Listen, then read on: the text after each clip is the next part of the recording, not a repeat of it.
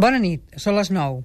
El govern de Rajoy ha posat fil a l'agulla per combatre la corrupció des de l'àmbit judicial amb la reforma de la llei d'enjudiciament criminal, una normativa que data del 1882, encara que s'ha anat reformant al llarg dels anys.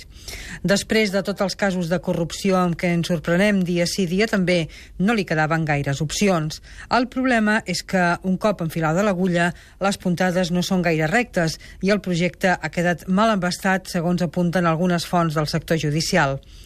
La proposta estrella és la de limitar a sis mesos la instrucció dels casos, un termini que es pot acabar allargant fins als tres anys, depenent de l'excepcionalitat del cas. Moltes vegades es tracta de casos molt complexos, amb moltes ramificacions i derivades, que necessiten temps i mitjans per anar descapdallant-los. Alguns jutges denuncien que moltes vegades limitar la investigació en el temps només servirà per tancar-la en fals si paral·lelament no es dota els jutjats de més recursos humans i materials. I es fan una pregunta que acostumen a fer sovint en la seva feina diària, una pregunta que ja es feien els romans. Qui prodest? És a dir, a qui beneficia? Qui treu profit del fet que la investigació s'hagi de tancar abans d'hora?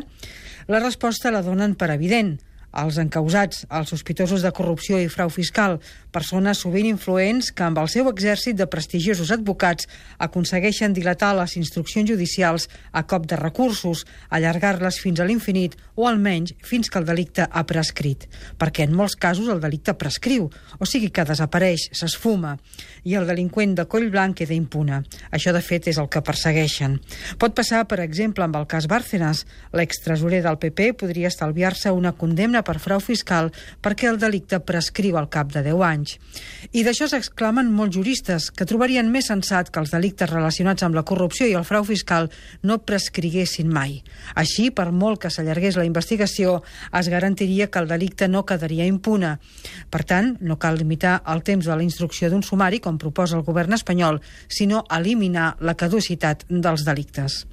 Els experts saben com resoldre la situació de col·lapse en què viuen molts jutjats. Els que s'hi troben cada dia, els que s'hi barallen quotidianament, saben quins mecanismes desencallarien les causes judicials que s'amunteguen als despatxos. Diuen que és només una qüestió de més recursos i de voluntat política.